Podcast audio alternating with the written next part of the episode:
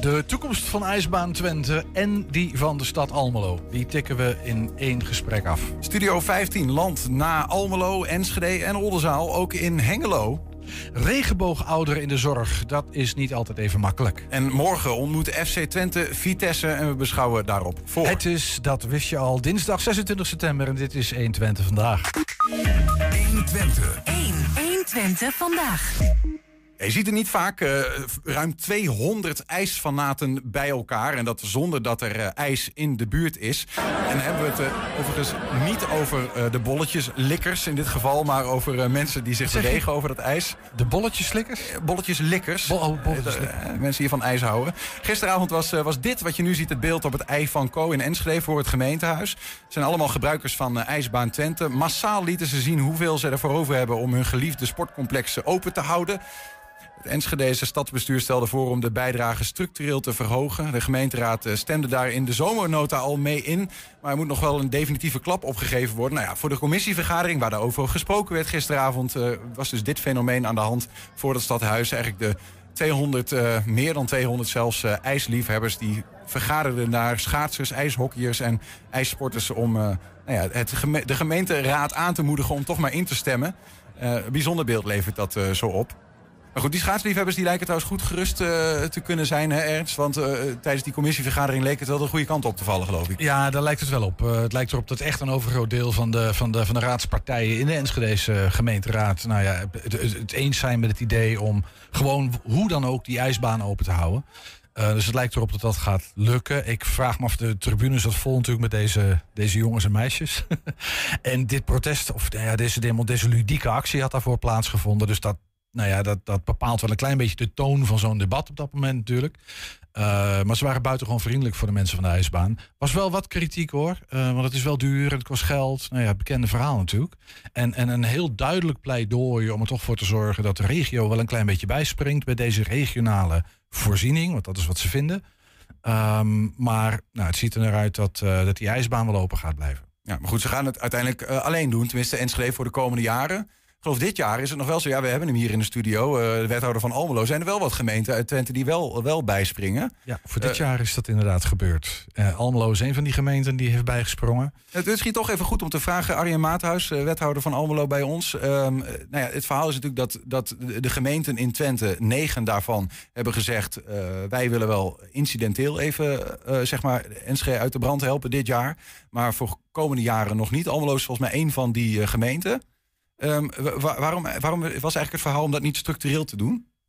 Um, nou, misschien wel goed om te vertellen dat um, uh, dat ik niet de wethouder sport uh, ben hè, van de gemeente. Ja, de wethouder financiën, dus mogelijk ik, ook daar. Dacht, ik ga college spreekt uit één mond. Nee, ja, ja. eenheid van bestuur. Ja, zeker, nee, ik dacht, ik, ik ga naar Enschede om te vertellen over de spoorzoneontwikkeling. Maar daar komen we zo meteen wel op. Gaan we zeker doen. Nee, kijk, um, uh, um, we hebben de, de, vraag was gesteld en daar hebben wij uh, vanuit BMW eenmalig um, hebben we daar geld tegen aangezet. Gelijktijdig is het zo dat er natuurlijk meerdere regionale voorzieningen zijn we hebben bijvoorbeeld de ISPA in Almelo staan. Uh, die uh, uh, financieel technisch kost die ook heel veel geld. en daar draait de gemeente Almelo gewoon voor op. Dus ehm, ja, het is op zich logisch dat elke gemeente een, of in ieder geval een omvangrijke gemeente, wel een regionale voorziening heeft en daar de kosten gewoon zelf voor dekt. Ik ben blij dat de besluitvorming in, in Enschede de goede kant op gaat. De ijsbaan is gewoon een belangrijke regionale, regionale voorziening. Ja. Maar zo steekt iedere gemeente, als het goed is, wel, ook in dat, op dat sportniveau, uh, wel zijn nek uit uh, voor een voorziening. En wij doen dat bijvoorbeeld met, met de ISPA. Ja, precies. Ieder zijn, ja, zorgt voor die regionale sportvoorziening in zijn eigen, op zijn eigen plek zoals het nu is. Op zich ja, en er zijn een aantal gemeenten die dat helemaal niet doen, zeg maar. Ja, en, nou ja, daarvan kan ik me wel voorstellen dat de raad uh, in Enschede daar wel kritische vraagtekens uh, bij, uh, bij stelt. Maar wij hebben gezegd, incidenteel helpen we jullie uit de brand, gemeente Enschede. maar gelijktijdig, op het moment dat het gaat over structurele financiering van de regionale voorzieningen, ja, dan moet je ook voor alle sportvoorzieningen in kaart brengen wat dat kost. En dan zou je het eigenlijk moeten verspreiden over de hele regio. Ja. Maar dat, ik geloof nooit dat daar draagvlak voor is.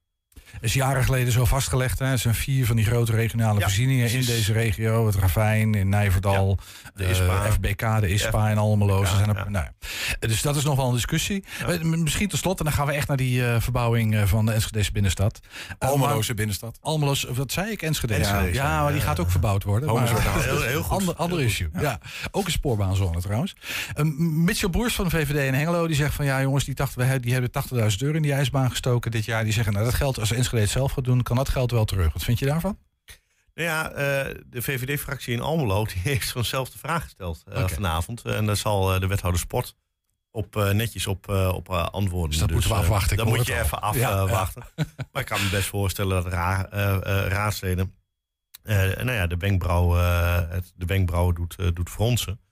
Eh, gelijktijdig eh, hebben ook met elkaar oog voor het regionale belang van dit soort voorzieningen. En ik denk dat dat uiteindelijk bovenaan moet staan. Ja helder. We- we- U bent hier voor heel wat anders. Eh, want eh, de, ik, ik, wilde, ik zat net me af te vragen of ik dat ga zou zullen gaan tutoyeren. Lijkt me heel fijn. Almelo gaat eh, sky high. Die gaat echt op de schop. Eh, Er komen de woontorens rond dat spoorgebied met zo'n duizend. Dat is best veel, hè? Duizend nieuwe woningen. De omgeving rond dat NS-station ondergaat een complete metamorfose aan de noord- en aan de zuidzijde van dat spoor. En er komt een brugverbinding ook tussen die twee delen. Ja. En een hele wijk gaat plaatsmaken voor verva- vervangende woningbouw. Kortom, in Almelo staat een ongekende gebiedsontwikkeling op de rol. Ehm, nou, daar gaan we het over hebben, want daarvoor zit, zit je echt hier. Eh, het is echt heel veel. Het is een megaproject, alles bij elkaar. Kan jij in een paar zinnen dat hele plan ongeveer...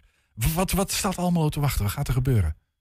Ja, eh, eh, ik ga mijn best doen om dat in een paar zinnen te doen. Snap ik. Ehm, we hebben de, de visie Almelo Centraal, de eh, visie op de spoorzone, hebben wij eh, ehm, eh, gepubliceerd. Is ook nu voor de inspraak voor allerlei belanghebbenden eh, eh, inzichtelijk en daar kan op gereageerd worden. Uiteindelijk zullen we de gemeenteraad ook vragen hier een besluit over te nemen.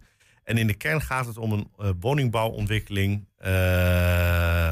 En niet alleen een woningbouwontwikkeling, ook eh, werklocaties en, en vrije tijdsbesteding rondom, eh, rondom dat spoor en rondom onze, onze intercityknoop. Ehm, het is een groot gebied, eh, ruim 60 hectare groot. Een van de grotere spoorzones binnen, binnen Nederland. En wat we daar willen doen is ehm, eh, rond dat spoor gaan verdichten. Verdichten betekent meer woningen. Meer woningen bouwen. maar dat is meer steen, minder groen ook. Nee, dat kun je heel goed combineren. Mhm. Eh, je kunt eh, ook de hoogte in. Dus wat je probeert te doen is, eh, door, dat te verdichten, hoef je ook niet alles uit te leggen hè, in de, aan de rand van de stad. Dus er wordt heel kritisch gekeken naar van waar laat je je woningbouw plaatsvinden. En we hebben gezegd van wij zijn ervan overtuigd dat in die spoorzone er kunnen minimaal duizend woningen. Er zouden er zelfs 2000 eh, kunnen. Dan, Zo. dan heb je het ook over die torentjes. Hè, want in principe Nou, als je zegt, gebied... dan zeg je torentjes, maar dan denk ik meteen torens. Torens, ja, 70 meter. We hebben er al. eh, Oh, dat twee, is hoog, hè? Dat zijn twee. Ja, we hebben de Java-toren, die is ook 70 meter. Ja. Ons gemeentehuis zelf is eh, ruim 55 meter. Eh, eh, kijk, hier in Enschede is het nog een, eh, een slagje groter met, met de Alfa, met de Alfa-toren. Maar in de kern, zijn drie gebieden. Daar gaan jullie niet overheen. Daar gaan we niet overheen. Stiekem toch de ambitie? Nee, ook niet. Maar we hebben drie gebieden, zeg maar. Ik heb hier een plaatje voor me. waarin we woningbouw willen laten landen. Het Westerdokgebied, dat is waar die mensen nu zit. Voor de mensen die Almelo een beetje kennen. Ehm, ja, het is een verouderd bedrijventerrein. Daar kunnen we 500 woningen eh, eh, laten landen. Maar de bedrijventerrein gaat helemaal plat dan? Eh, Of blijft daar ja, een deel van de nou, oude... Nou, die mensen blijft staan, zeg maar, want Ja. dat is nieuwbouw. Maar de rest Ja. kenmerkt zich voor, voor, ik herontwikkeling. zit En te denken aan het Indië-terrein in Almelo... waar natuurlijk heel veel dat van die oude... daarnaast. Hè? Dus wij, wij proberen die verbinding ook met het Indië-terrein te maken. De jachthaven ligt erbij. We willen dat ook veel meer groen en blauw gaan aankleden. Dus gebruik maken van het water wat we daar hebben. Eh, en daar gaan verdichten. Nou, dat is zeg maar de Westerdok. Andere kant van het spoor, daar hebben we het gebied achter de molen. Eh, dat is het gebied rondom de, nieuw, eh, de, de, de nieuwe moskee die in aanbouw is. Mhm. Daar kunnen we ook ongeveer 400, 500 woningen Ja, dus in die twee wijken, nieuwe wijken die het gaat worden, kunnen duizend woningen landen. En daarvoor op de langere termijn willen we nog wat dichter bij, eh, bij het spoor zelf eh, gaan, eh, gaan verdichten. En dan spreek je inderdaad over die torens die wat meer de lucht in, in gaan. En proberen we ook de wijken, de kerkenlanden, waar we, in ook, waar we ook willen vernieuwen en willen herstructureren. Eh, dus vervangende nieuwbouw willen plegen. Probeer je zeg maar die, die, die twee stadsdelen ook wat meer aan elkaar te gaan verbinden door middel van het station. en dat dus- kan bovenlangs via een brug, dat kan ook onderlangs via een tunnel. Dat is ook nog onderwerp van gesprek met de Spoorse partijen, NS en ProRail. eh, Waarmee we een constructief eh, overleg hierover hebben. Dus voor, en het op die manier. dat, voor het eerst dat ik dat woord hoor, Spoorse partijen. Spoorse partijen. Spoorse Ja, partijen, ja. NS, ProRail, Arriva. ik- ik hoor- nee, we hebben meteen een beeld. Ja. Hey, maar d- nou, dat is een enorm project. Eh, Ja. Nou ligt half Nederland eh, stil als het gaat om bouwen en stikstofcrisis. nou, Ja. Noem het allemaal op. Daar hebben jullie geen last van? Nee, nou, s- sterker nog, eh, recentelijk hebben jullie ergens eh, op nu.nl of in het Financieel Dagblad kunnen lezen dat vrijwel nergens in Nederland bouwprojecten eh, door stikstof o- op slot zitten. Of tenminste, dat valt reuze mee. Hè, qua, eh, Want te ver van een Natura 2000 gebied. Eh, wij zitten eh, in Almelo relatief ver van een eh, Natura 2000 gebied. Dus wij hebben eh, weinig last van stikstof. Eh, uiteraard vragen we bouwers ook steeds meer om de manier van, van bouw ook op een vriendelijke manier te doen. Hè. Dus zet geen dieselaggregaten neer, maar Mhm. eh, eh, van die batterijdingen die niet uitstoten. Eh, en dan kun je dat eigenlijk op een eh, best wel goede manier eh, vormgeven. Dus wij in Almelo hebben, ik kan niet voor andere gemeenten spreken, die wat dichter bij Natura 2000 gebieden zitten. Maar in Almelo hebben we er op zich weinig last van. En ik zie het landelijke beeld, hè, dat las, ik laatst op, op, op nu.nl, valt het tot nu toe nog mee. Maar dat wil nog niks zeggen over de komende jaren. Eh, De, de- de- de- de nieuwbouw betekent ook eh, oudbouw, dat eh, de oudbouw die verdwijnt. Zitten Ja. daar panden, dingen tussen waarvan jij eigenlijk zegt van ja, weet je, het, het, het, het moet, maar het is jammer. Nee, wij gaan het met respect voor, ik. voor cultureel erfgoed doen. Hè. Dus in het gebied achter de molen bijvoorbeeld, aan de Veldkamsweg, ja, er zitten nog een paar prachtige panden. Eh, die echt wel wat uitstralen. Mhm. Eh, en die wil je natuurlijk wel behouden en benutten. Hè. Dus we gaan niet ruzieloos alles eh, plat, plat gooien. Maar echte karakteristieke panden. Eh, ja, die willen we graag eh, in die hele herontwikkeling eh, overeind, overeind houden. Ja. Ik, ik hoor overigens, hoor je zeggen, het gaat om vervangende nieuwbouw. Hè? Want als ik denk aan Nee, niet zoveel... alles hoor. Want Oké, want ik bedoel, het het gaat om echt om honderden huizen. Dan, Ja. dan denk ik van, dan moeten er duizenden Almelo's Nee, bij komen om die huizen te straks te bemannen. Nee, nee. Ik heb net uitleg gegeven over het gebied Westerdok. en achter de molen. Dus in, in die beide gebieden kunnen 500 woningen erbij komen, zeg maar. Dus dat is Ehm, extra bovenop is extra, de huidige ja, woningvoorraad. En, en, en wat we daarvoor gaan slopen zijn vo- voornamelijk bedrijfspanden. En in het stuk achter de molen ligt nog een stuk grondbraak. Ja. Dat is van de gemeente. Ja. Dus het is niet zo dat daar woningen voor wijken. Nee, maar, goed, wel- maar dit, is dus echt, dit zijn nieuwe huizen voor Ja. nieuwe Almelo's. Of voor Almelo's die nu hutje-mutje zitten en heel lang al zoeken. Zoals je dat bijna in elke stad Ja, ziet. dat. eh, voor nieuwe Almelo's eh, en eh, voor mensen die graag een stap in hun wooncarrière willen maken. Daarvoor doen we dit. Het Ja. behoud van talent. Je ziet ook dat er veel werkgevers eh, internationaal talent aantrekken. Dat is in deze stad natuurlijk heel erg zichtbaar. Maar dat merken wij in, eh, en ik denk dat ik ook namens Hengelo kan spreken. Ook in Hengelo en in Almelo Mhm. zie je een toename van internationaal talent. En ja, die mensen die wil je wel binden en boeien aan je stad. het bekende daar, verhaal, eh, daar weten gaan we op wij. Weten wij hier in Enschede eh, inderdaad Ja. alles van. Dus eh, belangrijk. Ja. Maar die, die duizend en misschien op langere termijn 2000 woningen, zijn dat dan allemaal. Zeg maar, dat is, dat is toevoeging aan de huidige woningvoorraad. Hoe zit dat? Ja, wij, wij, wij hebben eigenlijk gezegd in de, de woningbouwopgave die de stad kent, we willen 4000 woningen toevoegen eh, tot en met 2030. Eh, eh, in tien jaar tijd, dus met 2020 eh, meegerekend. Dus er waren ook nog wat plannen die in de pijplijn zaten. Eh 4000 woningen, ja, en op de lange termijn werken we samen met Enschede en met Hengelo ook aan een, een perspectief. Eh, eh, van waar eh, werk je in 2050 eh, eh, naar, naartoe eh, eh, als stedelijk gebied. Ja. Dus die 4000 woningen, ja, daar zetten we op in. En we gaan zien natuurlijk hoe, hoe de, de, de, de economie zich houdt, wat er gebeurt. Je ziet nu ook, hè, de rente staat hoog. Dus in het verleden bij onze nieuwbouwwijk ehm Almelo Noordoost, ja, met 2% rente. Dat zijn allemaal woningen van 8 ton en eh 8 ton plus. En die gingen als warme broodjes over de toonbank. Maar je ziet daar nu toch wel wat stagnatie in. Nee, hoe is het trouwens als je het dan hebt over geld? Hè? Eh, in Enschede wordt door het college nu een aantal, uh, de stofkam eigenlijk door de portemonnee gehaald. Miljoenen uh, aan woningcorporaties gegeven om, om maar projecten te kunnen ontwikkelen. Um, commerciële projectontwikkelaars, noem de Dura Vermeers van deze wereld, zitten niet altijd op te wachten om, om bouwprojecten te beginnen nu, omdat het niet altijd rendabel genoeg voor hen is. Is dat moeilijk in Almelo om clubs te vinden die, die willen bouwen?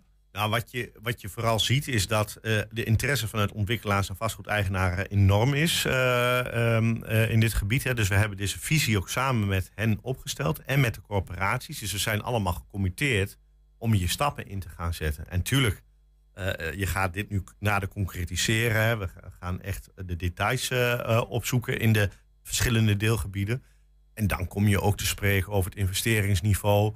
Uh, de spreiding uh, uh, van de revenuen, maar ook de spreiding van de kosten. Mm -hmm. Ja, en hoe ver ben je dan bereid te gaan als, als gemeente? Uh, en uh, nou, welke winstmarges hebben uiteindelijk uh, de, de commerciële partijen? En ja. daar zul je het gesprek met elkaar over moeten hebben. Maar dat proces is nog gaande. Wat ik bedoel, Zeker. ik herinner me Kop van de Boulevard in Enschede. Zeker. Daar was een projectontwikkelaar die meedeed en die is ja. afgehaakt. Het hele project ligt op zijn gat. Ik weet niet hoe zeker is dit. Nou, nee, ik, ik, ga daar geen garanties op geven. Dat kan ook altijd bij ons gebeuren. tot nu toe zien wij wat er in de stad gebouwd wordt. Hè, dat dat gecommenteerde uh, ontwikkelaars zijn en dat die daar ook uh, stappen uh, in zetten en ook woningen op de, op de, op de, op de markt zetten.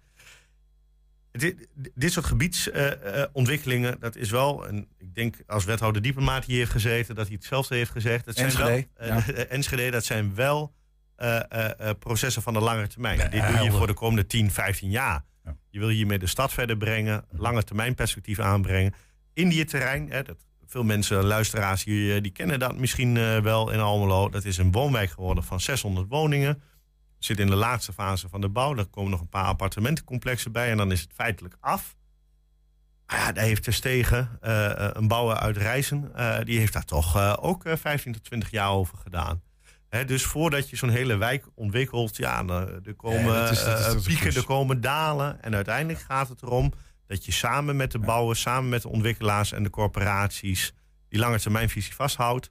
Mhm. En dat je daar gewoon stelselmatig aan blijft werken. Helder, ik heb, ik heb nog twee vragen voor je. Dan ja, gaan we afronden. Ja. Even een kort antwoord. De eerste vraag is als mensen zeggen van... goh, groot plan, groot, ik wil dit volgen. Ik wil weten wat daar gebeurt. Ik wil, ik wil er wat van vinden. Uh, ik, je hebt een prachtig boekje bij je. Maar ik neem ja. aan dat het op de website ergens Dit is op de website ook uh, te vinden van de gemeente Almelo. En sterker nog, uh, belanghebbende mensen die in het gebied wonen die we overigens ook heel goed al hebben meegenomen in het voor, uh, voortraject. Maar ik kan me voorstellen dat alle Almelo's denken van nou, dit is, ja. dit is natuurlijk midden in het centrum. Kun je gewoon uh, en, uh, vinden op onze website www.almelo.nl en dan moet die ergens, in de, ergens op poppen. Ja. ja. Hartstikke goed. En dan tot slot, we hebben het over lange termijn planning, maar ergens wil je een keer die schop in de grond. Wanneer gaat dat gebeuren? 2026 voorzien we in de gebieden Westerdok en achter de molen. Schop in de grond, dat is nog niet klaar. Ja, nee, precies. Dus dan gaat de schop in de grond. Uiteraard gebeurt er nu ook al van alles in die spoorzone. Er wordt een nieuwe rechtbank gebouwd. Het ROC is aan het uitbreiden. Ik weet niet of jullie dat uh, uh, recentelijk ja, hebben gezien. de moskee dus die gebouwd wordt, er gebeurt de moskee, Er gebeurt van alles, dus er is al van alles in beweging. En uh, woningbouw 2026, er wordt hard gewerkt aan een stedenbouwkundige uitwerking van dit verhaal. Bestemmingsplannen die dan gereed moeten zijn. En ik heb voor mezelf voorgenomen, aan het einde van deze bestuursperiode, dus 2026, dan zou het mooi zijn als de schop de grond in kan gaan. En in de tussentijd laten we ook gewoon zien dat er reuring uh, is in het gebied. Dat misschien gebouwen al tegen de vlakte gaan. Dan geef je ook een signaal mee af hè, van let op, hier gaat wat gebeuren. Ja, en uh, in de tussentijd wat uh, aan placemaking doen, zoals dat met een duur woord heet. Maar ja. dat er reuring in het gebied is en dat je kunt zien dat er wat gaat gebeuren. Ja, mooi. Wethouder Arjen Maathuis was dat. Uh, wethouder Stenen, maar toch ook blauw en groen uh, hoor ik zeker, van hem inmiddels zeker, uit zeker, Almelo. Ja. Dank voor je uitleg en uh, nou, we blijven dat met belangstelling volgen. Succes. Oké, okay, dankjewel. 120. 120 vandaag. Het is vandaag Wereld Anticonceptiedag. Ja, die van die dagen. Maar ondanks dat er veel aandacht voor wordt besteed uh, aan dit thema, bestaat de anticonceptiepil tot nu toe alleen voor vrouwen. Maar wellicht niet voor lang meer. Er wordt namelijk onderzoek gedaan naar de mannenpil. Een middel dat er zorgt voor tijdelijke stilstand van zaadcellen. De vraag is, kunnen vrouwen dan eindelijk hun verantwoordelijkheid afstaan hè, aan het mannelijk geslacht, zoals wij hier zitten? En wat vindt de Enschede van dat innovatieve anticonceptiemiddel? Een verslaggever Charlotte, die ging de straat op. Het is vandaag dinsdag, maar het is niet zomaar een dinsdag. Het is namelijk de dag van de anticonceptie. Al een paar jaar wordt er onderzoek gedaan naar de mannenpil. Maar deze is eigenlijk nog steeds niet echt op de markt. Wat vinden de Enschedeers daarvan? Wordt het niet een keer tijd dat ook mannen verantwoordelijkheid nemen voor anticonceptie? We vragen het de mensen op straat. Als ik zeg, ehm, mannen zouden de pil kunnen slikken. Ja. Wat vindt u daar dan van? Zouden mannen dat Ja, doen? absoluut. Moeten ze gewoon zeker gaan doen. Ja, absoluut. Ja, dat kan toch mooi. De vrouwen moeten er genoeg opofferen. Ja, zeker. Dus waarom zouden wij van alles... Waarom zouden wij alles in ons lichaam moeten stoppen en de man niet? Ja. Nou, ik denk, waarom moet het altijd naar de vrouw toe? Het zal toch ook zeker voor een man kunnen zijn? Als je er samen aan begint, dan denk ik, waarom moet je dan op dat moment alleen maar de ergernis bij een man eh, of vrouw neerleggen? Dat kan zeker ook voor een man gelden. Oké. Nou, ik ben voorstander. Ik denk niet dat heel veel mannen dat gaan doen als het kan. Mannen zouden ook de pil moeten nemen, als dat zou kunnen. Nou ja, dat zou prima zijn. Ja? Ja. Waarom? Ja, eh, als, er, als er geen bijwerking bij zit, dan, waarom zou dat dan niet doen? Ja, maar ja, waarom moet het dan voor een vrouw wel zo gelden dan? Een vrouw heeft ook bijwerking erbij. Ja. Zowel voor de pil als spiraal. Dan denk ik van, ja, moet dan uiteindelijk alleen maar de man de lust hebben en de vrouw alleen maar de ergernis. En als er wel bijwerkingen bij zitten? Ja, nou ja, dan gaan we in overleg. Maar vrouw, de vrouw Dan gaan we in overleg. Als, als de vrouw dat niet wil, eh, de pil meer, ja, en eh, Ja. dat ik het zo moet proberen, dat zou ik ervoor gaan. Ja? Zo- Vindt u dat mannen die zouden moeten slikken? Ja. Ja, waarom niet? Ja. Als het werkt, ja. Ja, het ligt altijd aan de vrouwen, hè. Die moeten ook altijd slikken. Dus kunnen ze om en om doen. Denkt u dat veel mannen de, de pil zouden slikken? Dat ze dat zouden doen? Nee, dat denk ik niet. In mijn geval zeg ik, ik wil niet zwanger worden, dus ik gebruik de pil. Weet je, ik ben zo oud, je hoeft niet te vragen. Ja, ik eh, vind dat goed. Ja, zoiets spreek je samen af. Nee, ik vind dat niet iets wat in moet. Ja, een pil is eh, makkelijker. Ja. Dan eh, kan je ook zonder condoom eh, gewoon seks En, hebben. en dan zouden vrouwen dus niet aan de pil hoeven. Ja, Ja, ze kunnen dat wel overwegen, maar ik denk dat het meer gaat om de afstemming tussen dan een man en vrouw. Mannen die, die, die, die houden zich er waarschijnlijk niet zo goed aan, dus Nee? nee, U vertrouwt er niet op? nee. Als het een optie zou zijn, dan denk ik zeker dat er eh, een aantal mannen over na zouden moeten denken. Want mij, ik heb altijd wel zoiets van, waarom moeten we dat pers bij de vrouw neerleggen? Zou, zou je het vertrouwen, denk je, als, als mannen de pil zouden slikken? Ja, tuurlijk. Daar vertrouw ik wel in. Ja? Ja. Nee, vertrouw man echt niet. Wij mannen zijn misschien wat slordiger dan de meeste vrouwen, dus dat zal eh, een dingetje zijn. Eh, maar ja, net als eh, de vrouw die de antico- anticonceptie gebruikt, het is op een gegeven moment zit het in je systeem. Dus ik denk dat het eh, ja, controleren of bijhouden of noem het maar. Ja. Zou u zelf de pil slikken, Nee, als het zou kunnen? nee. Waarom niet? Vanwege mijn gezondheidstoestand. Ja, ik vind dat er gaan liggen, want soms ook door gezondheidsissues is dat voor vrouwen niet mogelijk. Dus dan zou dat een hele goede optie zijn, vind ik. 120. 120 vandaag. Stel je woont in Hengelo en je wilt dolgraag muziek maken, video's maken. Of je wilt graffiti, eh, of graffiti moet ik eigenlijk zeggen. Graffiti is zwaartekracht, hè. Of dansen. Maar je hebt geen idee waar je dan moet beginnen. Nou, sinds enkele weken kun je dan naar Studio 15 Talent House. Dat is tegenover OISVO op het Hazemeijer-terrein. Ehm, dat het een succes gaat worden is natuurlijk net begonnen. Maar daaraan twijfelt projectleider Tijmen Sli... Sliusas. Ja, ik heb het precies. Daar gaan we. Hij Eh, Hoe, hoe doen we het goed, Tijmen? Ja, dankjewel. Eh maar jij twijfelt daar geen moment aan. En hij is bij ons, dat heb je al gezien inmiddels en gehoord. Samen met een van de coaches, eh, JB Denenkamp. Eh, welkom allebei, fijn dat jullie hier zijn. We gaan praten over de Studio 15. Maar ik, ik, ik was toch even eerst J- JB, waar komt dat vandaan? JB komt van, het is een afkorting. Dat dacht ik al, JB. krijgt een bijnaam. Johannes Bernardus. John Boy. Bijna. En, en Denenkamp is wel je echte achternaam. Ja, nee, ik, een ik beetje dacht, ik denk even heel even checken. maar eh, dan Studio 15, ehm, dat is nu geland in Hengelo, maar het bestond al langer. Kan je heel kort schetsen wat dat precies is?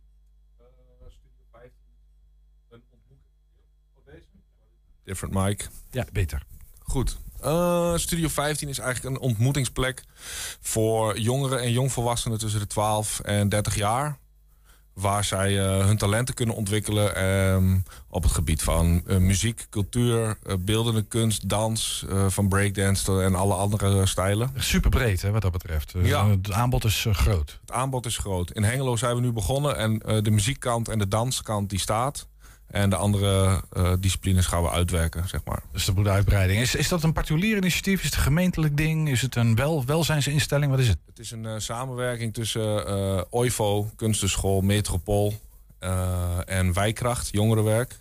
Maar van origine komt het, dat weet Jay denk ik nog beter te vertellen, van Kaliber Kunstenschool. Uit Enschede, Almelo, Oldenzaal. En jij bent ook al in Almelo betrokken geweest, toch? Ja, ik ben in Almelo begonnen, maar nu zit ik inderdaad in Hengelo en Oldenzaal.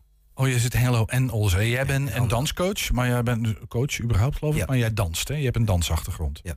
En Tijmen, wat is jou? Want jij doet iets met muziek, geloof ik. Ja, ik eh, produceer zelf muziek. Eh, Wat voor maar, muziek? eh, elektronische muziek. Mhm. Ehm, maar bij Studio 15 ga ik niet ehm, in eerste instantie niet actief coachen op muziek. Dat doen andere mensen. Ik ben eh, projectleider, dus ik probeer eh, het wiel te laten draaien en eh, dat zo te houden, zeg maar. Ja, snap ik. En eh, nou, de verwachting is, eh, Hengelo, jullie zijn wanneer begonnen?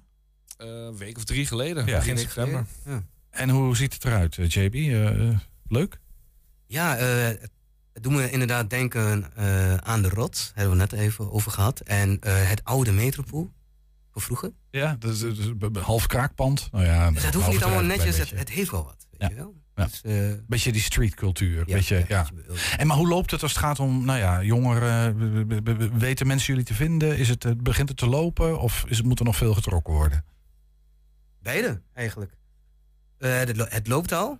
En eh, het is even zoeken dat zij weten waar we zijn. Jongeren willen, willen heel veel. En het is alleen het, het bewust maken van... hé, hey, wij zitten hier. Kom even langs. Ja, gaaf. Gaan we zo eh, verder over hebben. We hebben een, eh, een de, de, onze collega's in Hengelo hebben een reportage gemaakt bij jullie. We gaan even een klein stukje kijken. Dan hebben we in ieder geval een beeld van ja, wat we dan zien als we bij jullie binnenstappen. Dit is eh, de grote opnamestudio.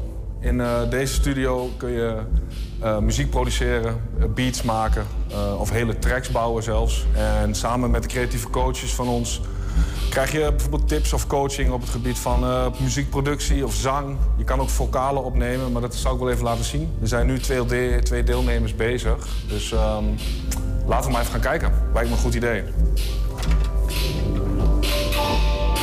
We hebben geprobeerd al een beetje met wat kleedjes, een mooi kleurenlampje en een bankje een beetje sfeer te maken. Zodat het ook een beetje gezellig wordt, want je moet hier ook eh, relaxed kunnen werken. Daarnaast eh, de microfoon. Wel handig als je nu- nummers gaat maken waarin gezongen wordt. Of gerapt bijvoorbeeld. Dus eh, hier kun je ook vocals opnemen. Ehm, en de dames zijn nu volgens mij bezig met het bouwen van de muziek. Eh, en ik neem aan dat als die muziek eh, staat zoals zij het willen... dat ze ook wel eens gaan experimenteren met de microfoon. Maar goed, daar kunnen de coaches ook bij helpen. Maar ze weten zelf ook al een hele hoop. Dus er zit al veel talent, zeg maar. Dus dat is mooi.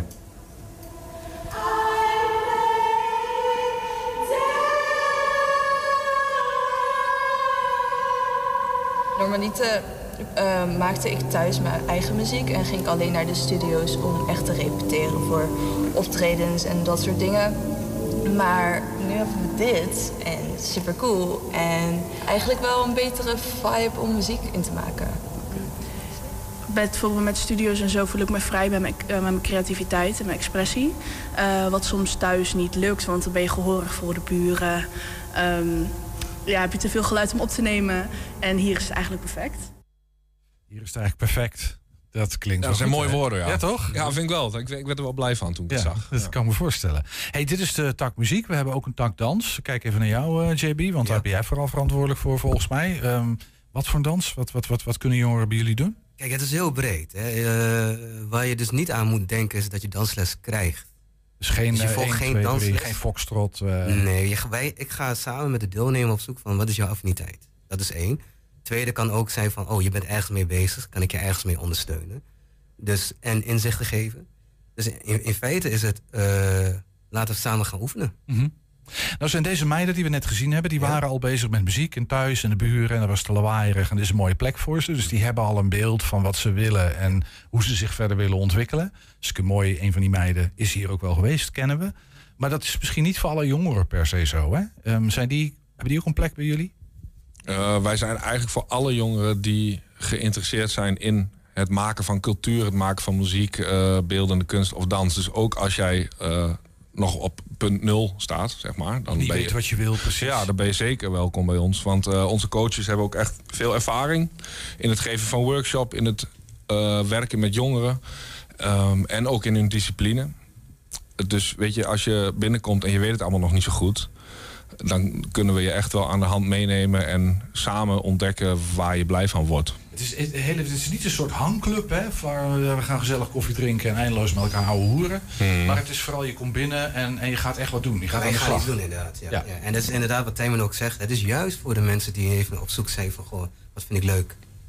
En eh, eh, je hoeft niet te denken dat het alleen voor ervaren mensen is. We willen juist openstaan voor de mensen die iets willen doen. En die het nog niet kunnen, daar zijn we voor. Ja, snap ik.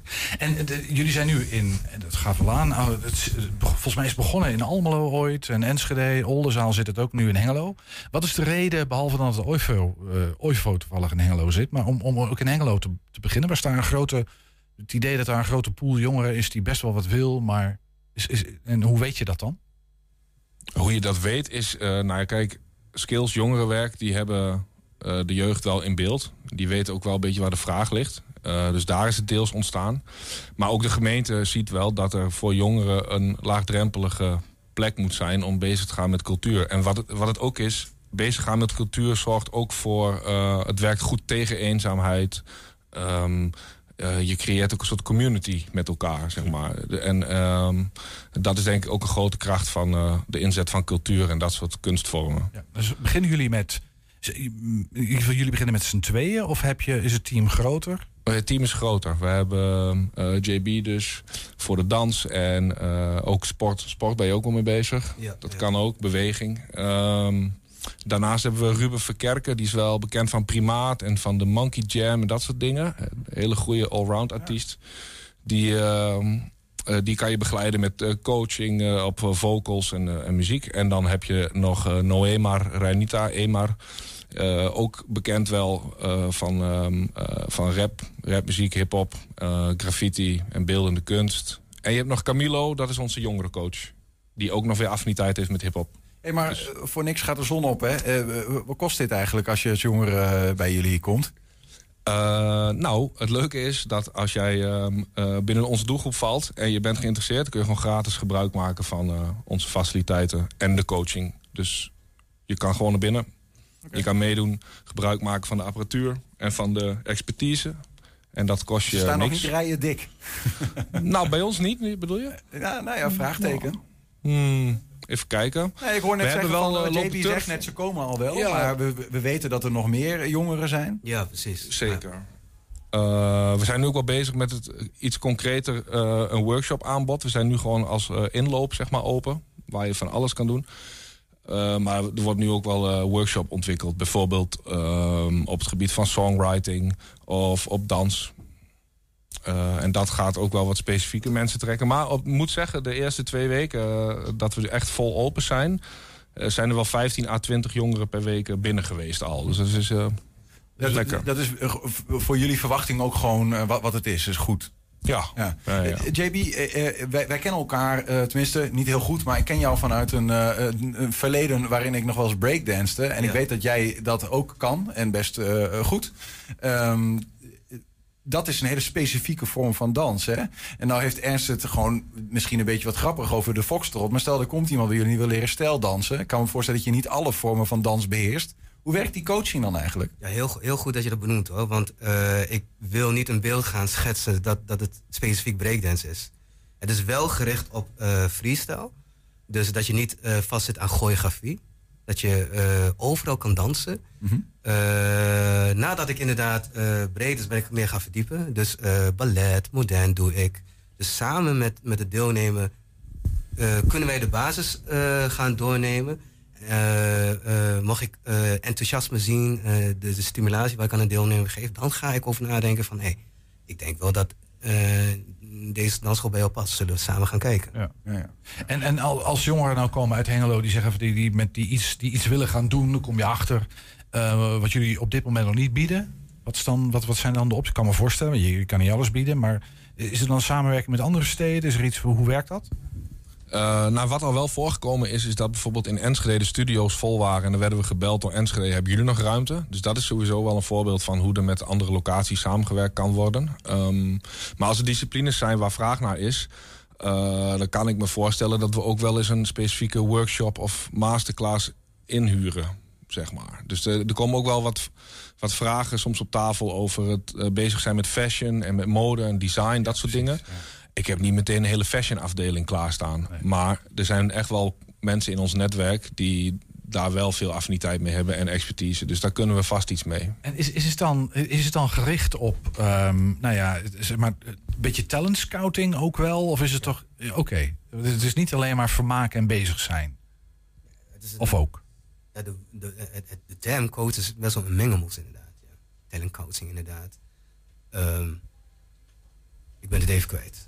Nou, mijn, vraag was of je vooral bezig bent met talent, talent scouting. Van zitten we, zitten we Mm. hier in Twente, hebben we nou gewoon gasten die er echt met kop en schouders bovenuit steken en die zich zouden kunnen ontwikkelen tot een hele goede danser of een fantastische muzikant? Of is het ook heel erg gewoon ehm, lekker bezig zijn met kunst Ja, onder andere. Het is, het is, eh, eh, ja, Studio 15 is dus, wij eh focussen ons en stimuleren talent. Mhm. En je hoeft niet de beste te zijn. Mhm. Wij vinden het belangrijk, ik vind het persoonlijk belangrijk dat, wat doe je naast je werk? Wat doe je naast je school of stage? Eh, waar krijg je energie van en waar kom je tot rust? En daar komt talent van pas. Dus ik ben, ik ben eh, he- heilig ook overtuigd dat eh, beoefen je talent. En, en dat heeft ook nog invloed op je persoonlijke ontwikkeling. Tuurlijk, en op je welzijn en op hoe je je voelt. Dat soort, eh, ja. Wat zie je is gebeuren dan? Want, want, eh, Ja, precies. eh, ja, je, bent- je bent in andere steden ook al bezig geweest. Hè? Wat, wat gebeurt er met jongeren die bij jullie komen? In Oldenzaal bijvoorbeeld? Of eh, nou, in Hengelo nog maar kort bezig. Maar... Ze vinden, het, ze vinden het spannend, maar ik zie wel dat ze willen. Oh, kan dit wel? Hoeveel kost het nou? Ja. Maar dan is het dan eh, mijn verantwoordelijkheid, of onze verantwoordelijkheid, om met open armen te verwelkomen. Kom, wat wil je gaan doen? Ja. Laten we gelijk eh, aan de slag gaan. En die sociale ontwikkeling? Want ik hoor Tijmen ook zeggen... het is ook een plek om, om nou ja, gewoon eenzaamheid te bestrijden. Het is niet zo chic hè, als je als mens, eh, niet alleen als jongere, toegeeft... van ja, ik ben soms wel eens eenzaam. Het is nota bene vanaf morgen de week van de eenzaamheid. Maar goed, die jongeren die komen niet voor niks. Hè, die zoeken aansluiting. Maar veranderen ze ook als mens? Kijk, dat is een hele goeie. De afgelopen twintig jaar ben ik meer op dans, dansdocent eh, gaan werken. Maar dit is meer bewegingcoach. Dus wat gebeurt er dan eh, vanuit mijn vakgebied, eh, vanuit dans, het non-verbale? Eh, ze worden zelfverzekerd. Het is toch niet gek dat je anders bent dan anderen. Dans is dan een hulpmiddel om ervoor te zorgen dat de sociale contacten inderdaad meer, meer wordt versterkt. Dus de, het, het is niet zo- zozeer de prioriteit. Het roept bij mij al een vraag op. Want ik kan me voorstellen dat je dan ook wel uit je eigen ervaringen put.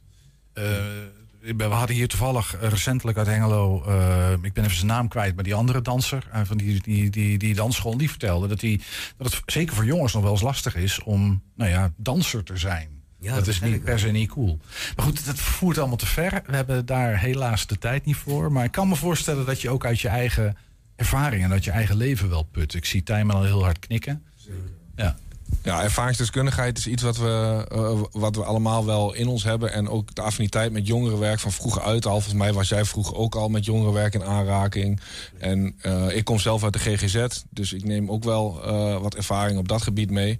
En dat is ook wel mooi dat je dat kan verweven in de culturele uitingen, zeg maar. Snap ik. Nou is dit een pilot in Hengelo. Hè? Geld voor een jaar. Ehm, maar ik ga, ja, dat- je je gaat het niet opzetten voor een jaar. Dat zal niet de bedoeling zijn. Wat is de toekomst? Eh, wat mij betreft is de toekomst dat we blijven bestaan, uitbouwen en eh, impact hebben. En volgens mij zit dat wel snor, voorlopig. Nog heel even, waar kunnen mensen jullie vinden? Zowel online als fysiek. Eh www.studio15talenthouse.nl. Daar staan alle locaties. Eh, volg ons vooral ook even op Instagram. Dat is apenstaatje studio15 underscore Hengelo. Daar eh, zijn we ook wel redelijk actief. En eh, de Hazemeijer 300 tegenover Oivo. Dat moet te vinden zijn voor iedereen die Hengelo een klein beetje kent. Ik weet het ook te vinden. Dat, waren JB Denenkamp en Tijmen, zeg het nog eens. Sluwzas. Dat was hem. Eh, hartstikke bedankt. Heel veel succes. En we gaan jullie volgen het komende jaar. Jullie ook bedankt. Bedankt man. Ja, zometeen eh, leden op leeftijd uit de LHBTI-gemeenschap kampen als zij afhankelijk worden van zorg met een aantal specifieke problemen. Maandag vindt er op de UT een symposium daarover plaats. 120. 120 vandaag. Van de euforie naar de overwinning tegen Ajax naar chagrijn over de nederlaag bij RKC Waalwijk afgelopen zondag. Jozef Oosting had er een klote gevoel, eh, hield hij eraan over en bleef, dat bleef ook wel even hangen. Maar de knop moet om, want morgen speelt FC Twente tegen Vitesse. Dus misschien eh, wat makkelijk, maar eh, in aanloop naar de wedstrijd tegen RKC... toen roemde jij nog de intensiteit waar jouw ploeg mee speelt. De winnaarsmentaliteit die jij ziet in jouw ploeg. Die ontbrak er afgelopen weekend. ontbrak die wat jou betreft? Ja, wat mij betreft wel. Want het, ik, ik, ik vond dat we heel goed hadden getraind. Eh, kijk, de eu- euforie van, eh, van de wedstrijd eh, tegen, tegen Ajax die was daar. Hè. Eh, We, we zitten ook in een bepaalde ontwikkeling eh, waarin we als team zitten. Ja, die was daar. Dus ik had die, eh, die nederlaag niet zien aankomen. Ja, je zegt al, ze hadden goed getraind dus, en niet zien aankomen. Daarmee zeg je het eigenlijk al. Ehm, verrast jou dat dan ook echt volledig op zo'n moment? Nou ja, ik moet eerlijk zeggen, toen de wedstrijd eh, we begonnen, we begonnen sowieso al niet goed. En, en ondanks dat we niet goed speelden, vond ik ons wel de bovenliggende partij. En ja, dan moet je soms een beetje geluk hebben dat die bal van, van Sam, die via de paal kwam, dat die erin gaat. Dan krijg je daar een bepaald gevoel bij. En je ziet in de loop van de wedstrijd dat het gewoon ja, heel stroperig is en, en, en, loom. En... Maar goed, nogmaals, de jongens hebben er alles aan gedaan. Alleen we hadden het niet. En het enige wat ik wel mijn ploeg verwijt en ook mezelf... is dat we eh, zo'n wedstrijd dan verliezen. En, en eh, ondanks dat we dan niet goed spelen... vind ik wel dat je daar eh, gewoon dan het maximale uit moet halen. Dat- in ieder geval is dat een punt. En die moet je dan koesteren. En dan valt die plaats nog binnen. En dat is dan wel heel erg zuur. En daar ben ik dan wel... ja, dat, dat is, is wel een enorme klote gevoel. Is dat al een beetje weer gezakt? Wil je eerlijk antwoord? Nou, ik, ik heb er soms... eh, Kijk, vandaag moet je wel de knop omzetten. Maar ik heb dat, eh, dat blijft dan wel twee dagen hangen, ja, moet ik eerlijk zeggen. En normaal gesproken heb ik dat wel na een dag. En dan moet je weer op naar de volgende wedstrijd. En, en die is al redelijk snel eh, tegen, tegen Vitesse. Maar goed, uiteindelijk... eh, eh, ik, vandaag is wel weer het, eh, het blik op Vitesse. Dus wat dat betreft is dat, eh, moet je dat ook dan wel weer vergeten. Maar je moet er wel lering uit trekken. Spelers vinden het vaak lekker om dan kort daarna weer te, te mogen spelen of daarna weer te spelen. Ehm, hoe sta jij daarin? ik heb hetzelfde. Eh, nee, het is wel prettig dat, dat je dus weer een redelijk snelle wedstrijd hebt. Want uiteindelijk dan gaat de focus weer op die wedstrijd. En dan ga je daar weer naar kijken van hey, hoe, hoe kunnen we het doen? Wat is onze gameplan? Hoe kunnen we het, hoe kunnen we het aanpakken met elkaar? En, eh, dus eh, ja, dat is, dat, dat is dan wel prettig. Eh, want anders zit je toch wel de hele week, ja, met name natuurlijk... naar de wedstrijd van, van RKC te kijken. En dan ehm, bereid je je dus weer heel langzaam voor op, op de volgende wedstrijd. Dus, dus wat dat betreft is het wel prettig dat, dat de wedstrijd morgen weer voor de deur staat. En dat is in dit geval tegen Vitesse. Hoe staat jouw ploeg erop wat dat betreft dan misschien ook een beetje in fysiek opzicht... met ook nee, nog een wedstrijd gescoord in de benen? Ja, nou ja, goed, uiteindelijk, eh, we- zijn er al op voorbereid. Want we hebben natuurlijk ook een voorbereiding gehad... waarin dus dat we Europees speelden. moesten we ook heel ja, snel reageren op wedstrijden op woensdag... en eh, ook nog vliegen, erbij. En eh, dan weer wedstrijden spelen elders. En dat is nu weer het geval. We hebben nu weer een, noem maar, een internationale week. En dus mijn jongens zijn daarop voorbereid. En ja, we zijn daar gewoon goed uitgekomen zondag. Hoewel, bij sommigen, maar in ieder geval eh, de grootste gros is, is fit. Het grootste gros is fit. Ja, er ontbraken er natuurlijk al een aantal afgelopen weekend... eh, waarvan sommige langdurig. Is het dat groepje of is er nog wat bijgekomen? Eh, het, het groepje is, het, is hetzelfde. We moeten even kijken hoe het gaat dan met, eh, met, eh, met, met, met nog wat spelers. Dus die, eh, er zijn nog wel twee vraagtekens. Maar goed, eh, daar kan ik je pas morgen uitslags over geven. Die namen die hou je even voor je. Ja, ik wil dat wel eh, tegen jou zeggen. Alleen, ja, daar weten we zelf het fijn ook nog niet van. En op het moment als ik nu namen ga noemen... en ze staan morgen wel op het uh, wedstrijdformulier... dan denk je, hé, wat is dit? Dus eh, nee, uiteindelijk moeten we even naar kijken. Wat verwacht jij wat dat betreft van Vitesse morgen? Met welke instelling zijn naar jullie toekomen? Daar gaat het natuurlijk niet van een leien dakje op dit moment. Nee. Vitesse is, eh, is, is, is een ploeg waar... Ja, dat, ze hebben natuurlijk een moeilijke start gehad. Eh, alhoewel, ik vind ze wel dat ze gewoon goede spelers hebben. Eh, ehm, ehm, ja, die zitten ook in een bepaalde ja, fase waarin eh, wat, wat onvoorspelbaar is. Hè? Dus eh, dat is heel lastig om, dat, om daar iets van te zeggen. Maar ik ken ze goed, dus wat dat betreft vind ik dat ze, een, dat ze goede spelers hebben. En eh, kijken hoe, hoe ze dat morgen tegen ons gaan doen.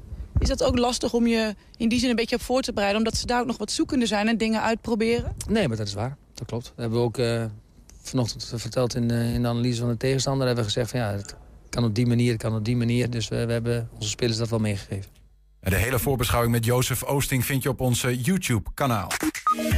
120. 1. 120 vandaag. De zorg voor LHBTI-plus ouderen brengt vragen en uitdagingen met zich mee... waar je niet 1, 2, 3 bij stilstaat. meeste mensen zeker niet. Juist daarom ehm, neemt Symposium Later Twente daar aankomende maandagmiddag expliciete tijd voor in de Vrijhof bij de Universiteit Twente. De kernvraag eh, op dat symposium is hoe creëren we samen een veilige omgeving waarin regenboogouderen nu en later zichzelf kunnen zijn.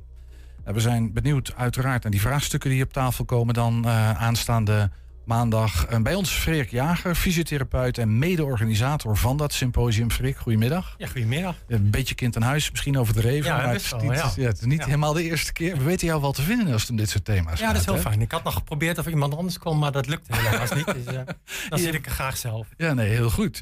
Ehm, eh, hoe anders? Ja, de, de, laten we meteen met, eh, met de deur in huis. De- het gaat om zorg voor regenboogouderen. Dat zijn ouderen uit die LHBTI en dan nog wat letters eh, Hoe anders is dat? En waarom is het zo belangrijk om daar specifiek aandacht voor te vragen? Ja, dat is ook altijd de vraag. Hè, van in hoeverre is zorg nou specifiek voor LHBT'ers anders?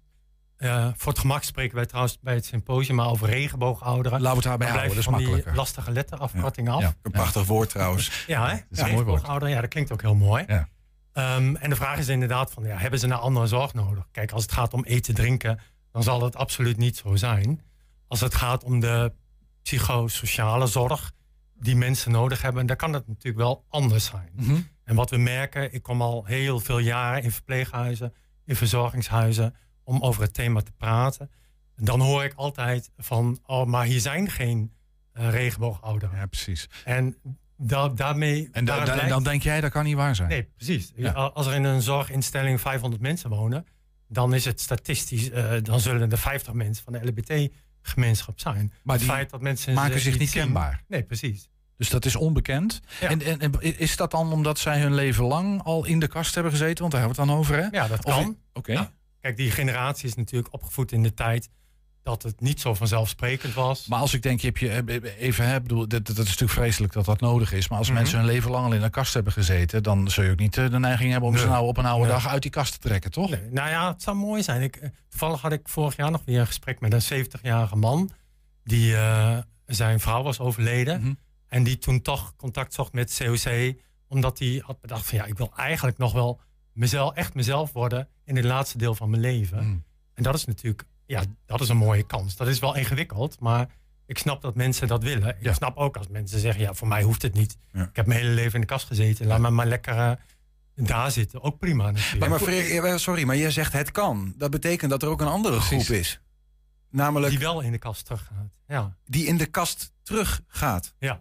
En dat is ook denk ik wel wat Maar wij dat, dat, het meest jammer heel even, je gaat er heel makkelijk overheen, maar Mhm. dat gebeurt. Dus dat mensen in hun in het leven daaraan voorafgaand gewoon eh, Open zijn, LHBT open waren over ja. hun seksuele geaardheid. Ja.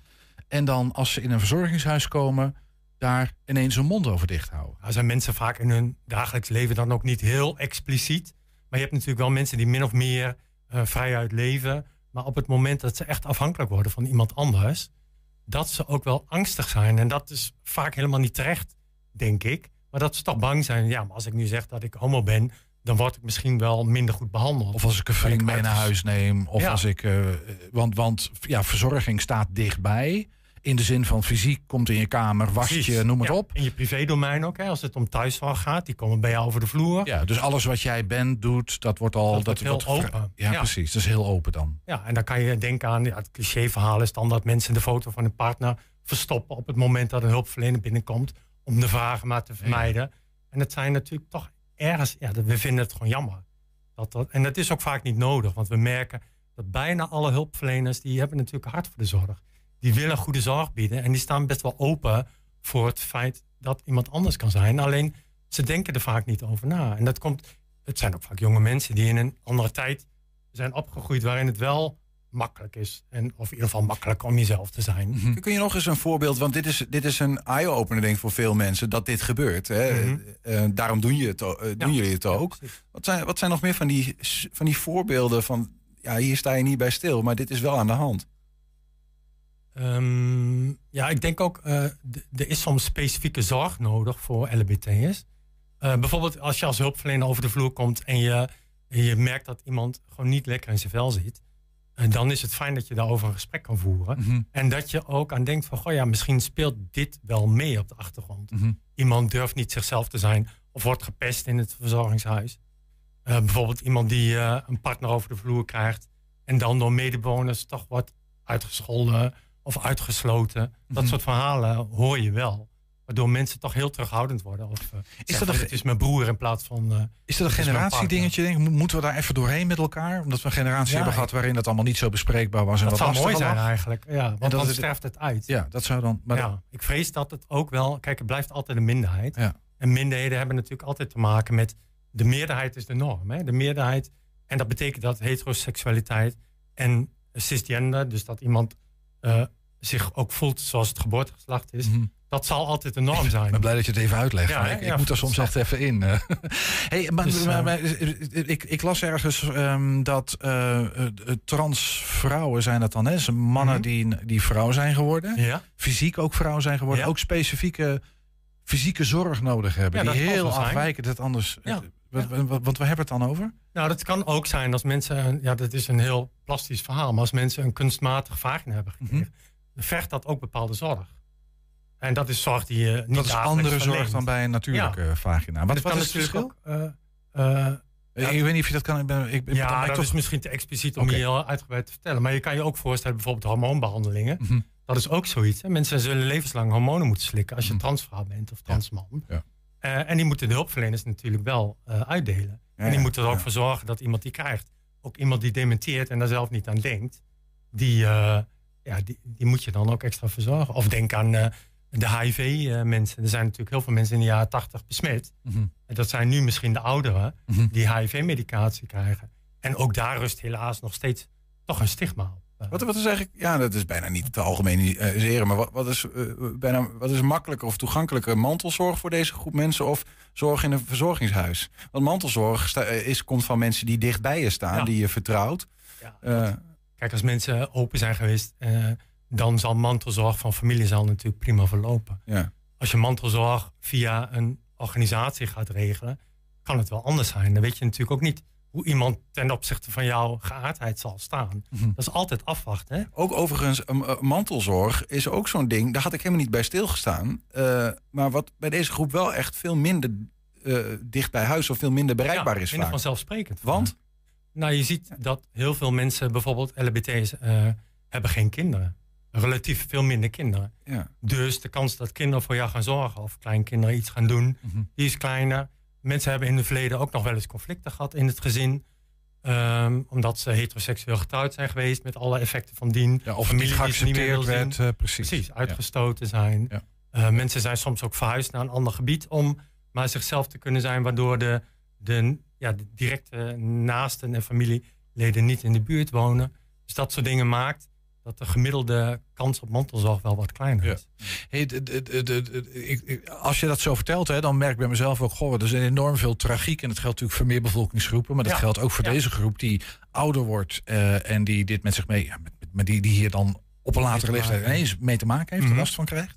Uh, maar ik wil ook graag een beetje richting de oplossingen. Want je Ja. hebt een uh, symposium, mede-organisator, organisator. maandag, uh, Want wat kunnen we hier aan doen dan? Want het klinkt ook alsof er best veel aan te doen zou Ja, zijn. En we Iets- moeten het natuurlijk ook niet eh, overdreven eh, Dramatiseren. problematiseren. Ja. Want het gaat ook heel vaak Gaan we niet doen. Eh, want er zijn heel veel instellingen, dat merk ik altijd als ik er kom. Mensen willen gewoon inclusieve zorg bieden. En dat geldt ook voor mensen met een andere culturele achtergrond of een religieuze achtergrond. Dus de intentie om goede zorg te verlenen is er wel.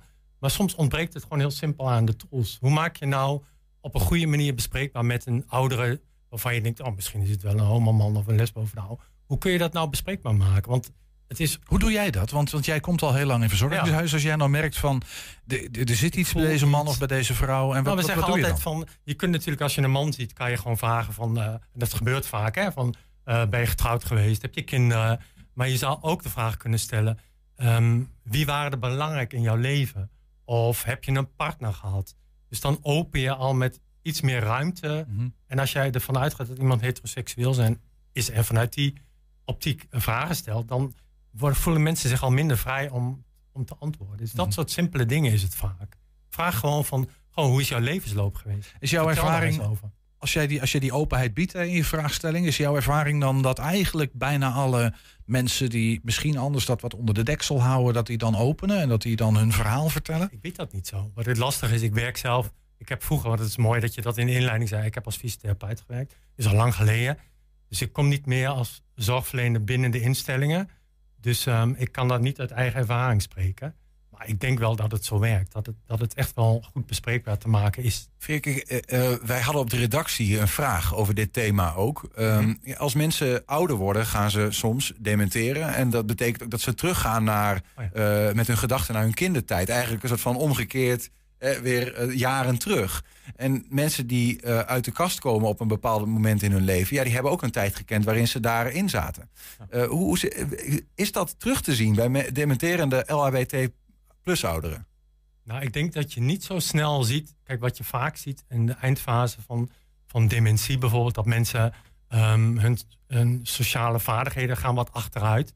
Dus eh, ze uiten zich soms wat ongeremd of zo. Hè. Dat Prim- soort gedrag zie je. primair, Heel primair. Ja. En als je dan kijkt naar de LBT-groep, zou je kunnen voorstellen dat als het masker en de terughoudendheid rondom dat gedrag, als dat wegvalt, dat mensen bijvoorbeeld eerder juist hun homoseksuele geaardheid gaan laten zien. Het dat de omgeving ineens schrikt van, hé, dit wisten we niet. Precies, eh, dat een man dan bij wijze van spreken een ander man zou eh, betasten. Terwijl die dat vroeger nooit zou doen vanuit een soort van, we weten dat je dat niet doet. Maar juist bij dementie kan je dat soort remmingen, eh, die kunnen verdwijnen. Ja, Maar dat soort verhalen hoor ik in de praktijk niet zoveel. Nee. Hey, dat symposium, als we daar even naartoe gaan. ehm, wat voor mensen hoop je dat daar gaan komen? Ja, we hebben nu heel veel aanmeldingen gekregen van mensen die in de zorg werken. Daar zijn we super blij mee. Kun je denken aan verpleegkundigen, geestelijk verzorgenden, beleidsmakers, eh, agogisch hulpverleners en zo. Er komen ook regenboogouderen zelf. Mhm. Dat vinden we ook leuk, want we hebben ook een workshop met gesprekstafels. Waarin we dus met, rondom stellingen eh, met mensen in gesprek gaan. Dus zowel met zorgverleners als ook met de LBT'ers. Want dan kun je kijken van ja, maar wat heb jij nou als LBT-ouderen? Wat heb jij nou nodig? Wat verwacht je eigenlijk van de zorgverleners? Dan kan het direct con- contact er komen. Ja, en Dat het familieleden, mensen die daaromheen staan. eh, Ja, die ze zijn welkom. Ja. Iedereen kan zich aanmelden via de website van... Noem je website even. Waar kunnen mensen zich aanmelden? Laterproject.nl. Hoe? Laterproject.nl. Mhm. Dat is een beetje een lastige term. Maar als ze googelen op het symposium eh 2 oktober, project Later, dan vind je het We laten het ook even in beeld zien op dit moment dat jij dit is zegt. Dus, eh, ja, dan er is nog ruimte, dus mensen zijn van harte welkom. Hartstikke mooi. Aankomende maandag is dat, hè? 2 oktober van 1 tot 5 in de Vrijhof op de Universiteit Twente. Uh, Freek Jager, dankjewel voor deze toelichting even. En Een hele goede dag maandag. Dankjewel. 120. 120 vandaag. Ja, we gaan Freek eh, uitzwaaien en eh, onze eh, volgende gast naar binnen halen. En dat is niet de minste. Robert van der Meulen, u kent hem vast. Ik zie hem nog in de hal zitten, maar eh, hij moet dus op, op, op een drafje met dat petje van hem. Moet hij naar boven Moet, moet deze, met rassen schelen, hij heeft vaak nog een laptop bij zich. Dus eh, als dat maar goed gaat, doe voorzichtig, eh, Robert, als je mij hoort vanaf hier. Robert is Ehm, onderweg, hij is onderweg. Schrijver eh, en eh, columnist, en dat doet hij al een tijdje bij ons. Eh, Robert, welkom. Eh, eh, neem gerust plaats. Installeer je, haast je niet. We moeten er om vijf uur uit, maar voor de rest... eh, doe vooral eindig aan. Je hebt een nieuw petje, Robert. Daar mag je zo meteen even iets over vertellen. Het is een soort... Ja, ik, ik weet niet of het nou een jagerspetje is, maar het, het zal het niet helemaal zijn. Ik kan me niet voorstellen bij jou. Jachtkerel. Je bent niet van de jacht? Nee, nou, in ieder geval niet van de jacht op wilde dieren. Ja. Eh, schuif, schuift, ja, precies. Schuif die microfoon even wat, eh, wat helder voor je mond, eh, Robert. Ja, zo. Hey, fijn dat je er bent. Ja, mooi. Ik moet even naar boven scrollen, want ik werd even opgehouden door je collega. Ja, dat zit er. Het begint zijn naam met Henk en eindigt dat op de Ten Harkel. Zoiets, ja. Ja, dat verbaast ons helemaal Ja, niks. die- eh, Er is, een, er is een talent in het ophouden van Ja. mensen. Echt onvoorstelbaar. Ben je er klaar voor, Robert? Ik ben er klaar Robert voor. van der Meulen Ja, met de column van de dag. Onze eerstgeborene woont in Amsterdam. Dat is een mooie, maar ook rare stad. Zo praten ze er allemaal buitenlands, rijden ze er allemaal op rare fietsen met rare dikke banden, kats door rood, waardoor je als overstekende voetganger heel raar te pas kan komen. En proppen ze, heel raar, de hele nachtwoeks helmloos in houten bakjes op fietsen waarmee ze onverantwoord hard langs grachten crossen. Langs diezelfde grachten staan ook nog eens opvallend veel, veel te grote auto's geparkeerd, die niet in het vakje passen. En over dat laatste wil ik het eens met jullie hebben. Over die veel te grote auto's dus. Ze worden ook wel SUV's genoemd, oftewel in goed buitenlands Sport Utility Vehicle. Dat vehikel, zo las ik al go- googelend, schijnt volgens de automobielmakers ontstaan te zijn door een groeiende behoefte aan een voertuig dat een utilitair karakter combineert met een gebruik in het teken van ontspanning, hobby's en reizen. Ik begreep er het fijne niet helemaal van, dus heb ik de betekenis van het woord utilitair maar eens opgezocht. Want er zijn dagen dat ik het niet in mijn vocabulaire gebruik. Welnu, utilitair betekent niets meer of minder dan nuttig. Maar nuttig rijden, dacht ik zo, dat kan wel. Maar dan moet je in Mokum toch echt het OV of de fiets pakken. Je hoeft geen hogere wiskunde te hebben gestudeerd om aan te voelen dat veel te grote auto's in Amsterdam in beginsel tamelijk onutilitair zijn, omdat veel te grote auto's er niet in het gaatje passen. Rare jongens, die Amsterdammers. Tot zover. Ik kom er straks op terug. And now for something completely different. Ik loop met mijn zoon door Amsterdam. We zijn op weg naar zijn werkplek. Hij zwaait de kastelijnscepter in zo'n uitstervende levendige kroeg... waar nog veel buurtmokumers aan het eind van hun werkdag een borrel komen halen. Hier geen harde muziek of andersoortige afleiding... waardoor er zomaar ruimte kan ontstaan voor een prettig gesprek... over de stand van het land, de stand van het leven... een standpunt over een zojuist gehoord standpunt... of tada, daar is hij, de stand van Ajax... Ja, die werkplek van hem is een vrijplaats van vrije gedachten. Van vrije mensen vanuit alle vrije gezinten. Met één opvallende overeenkomst. Hier wordt tegen de klip op, maar met klein succes, de vooruitgang getraineerd. Hier geen haver cappuccino of Aperol Spritz, maar gewoon nog een bakje pleur, eventueel gevolgd door een keilertje of een fasie. De schade wordt vervolgens door mijn zoon middels een balpenstreepje nauwgezet. De schoorsteen moet wel roken immers, op het bierveldje bijgehouden. We zijn er. Mijn zoon pakt de sleutels. We willen naar binnen. Maar dat laatste blijkt nog niet zo eenvoudig. Strak tegen de toegangsdeur staat een SUV geparkeerd. Plug-in Hybrid Turbo GT of zoiets staat er op het typeplaatje van de dikke BMW. Het straatje is smal en de wagen is hoog, maar vooral ook breed. Zo breed dat hij wel op de stoep moet staan ten einde een minimale verkeersdoorgang te waarborgen. Dikke patser, dat doet maar. En die heeft niet eens een prent achter zijn ruitenwisser, voeter ik. Tel ons door een minimale deuropening naar binnen wurmen. Mijn zoon had zijn schouders op. Het is een flegmatieke jongen. Dat heeft hij van zijn moeder.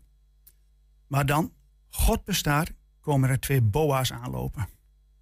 Ha, die krijgt ze vet, roep ik zo blij als een kind. Niks vet. Gezellig kuierend laten de boa's de PC-hoofdtractor ongemoeid. Ik mompel iets wat me niet siert. Ach, laat gaan, pa, zegt mijn zoon. Voorrang en parkeergunsten zijn hier nu eenmaal gebaseerd op een vette wagen en een vette bankrekening. Niet op de wet. Hij maalt fluitend verse koffiebonen voor zijn eerste klant. Ik zei het al, het is een flegmatieke jongen. Ik ken de eigenaar van die dikke bak, zegt mijn zoon terwijl we onze koffie drinken. Hij woont hier om de hoek en hij zit in de deelraad voor de VVD. Joviale kerel. Goed van tip ook, lacht hij. Sinds die man gescheiden is, komt hij hier elke avond samen met zijn hondje. En dan blijven ze hier zitten, tot ik het licht uit doe. We nemen een slok van onze koffie. Dan vervolgt mijn zoon. Het grappige is dat er in Amsterdam momenteel een politiek dingetje speelt rondom die SUV's. Waar de eigenaar van die BMW zich ook tegenaan bemoeit. Het Stadscollege wil namelijk parkeertarieven voor dikke auto's verdubbelen. Noem het SUV-tax. En daar is hij op tegen. Vorige week nog kreeg hij het hier in het café aan de stok met een andere gast. Zij zit in dezelfde deelraad, maar dan voor GroenLinks. Waar zijn hier de modderpaden of bergweggetjes? vroeg ze aan hem. Spinnijdig was ze. En ook, een SUV is onnodig vervuilend en totaal nutteloos in een stad als de onze, met zo weinig openbare ruimte en krappe parkeerplaatsen. Dus zolang jij niet in een beschaafde kleinere auto wil, ga je maar lekker dubbel beta- betalen. Ik vind echt dat jij een walgelijke mentaliteit hebt, had ze hem tenslotte ook nog toegebeten. Zolang het niet jouw centen zijn die ik uitgeef, is het aan mij om te bepalen in welke auto ik rij. Ik betaal mijn wagen helemaal zelf en ik vraag geen bijdrage van jou, aan jou. En hoezo nutteloos? Dit is juist een zeer efficiënte auto. Het past een meisjeshockeyteam, er past een, heel, een half meisjeshockeyteam in, waardoor ik zaterdags maar één keer hoef te rijden. En hij is ook nog eens bijna net zo schijn die schoon als die bakfiets van jou. Want het is een hybride. Ik wil best dubbel betalen, dat trekt Bruin nog wel, Maar dan wil ik ook die parkeerplaats van jouw BMW, die badkuip met wielen, erbij, zei hij. De hele zaak lag dubbel. Maar zij kon er niet om lachen. Ze liep weg, op hoge poten. Maar gisteren, niet verder vertellen, zaten ze hier de hele avond samen aan dat tafeltje daar in die hoek. Gezellig smoezend.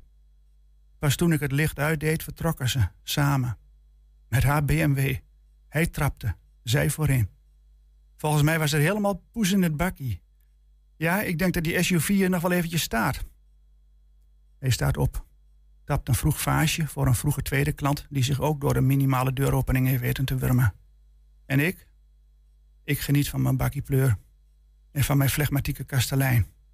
En eh, nee, zoon, ik zal het niet verder vertellen. Ik schrijf er wel een stukje over. In Enschede kunnen ze prima een geheim bewaren. Robert van der Meulen met eh, de column. Dankjewel, Robert.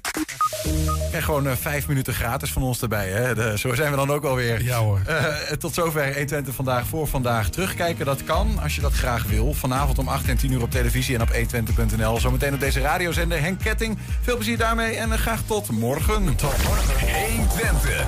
Weet. Beeld. In Twente. Met nu het nieuws van 5 uur. Goedemiddag, ik ben Bas van Halderen. De hulpdiensten hebben de handen vol na een botsing tussen een taxibusje en een lijnbus bij een dorp tussen Franeker en Leeuwarden. Zeker 14 mensen raakten gewond.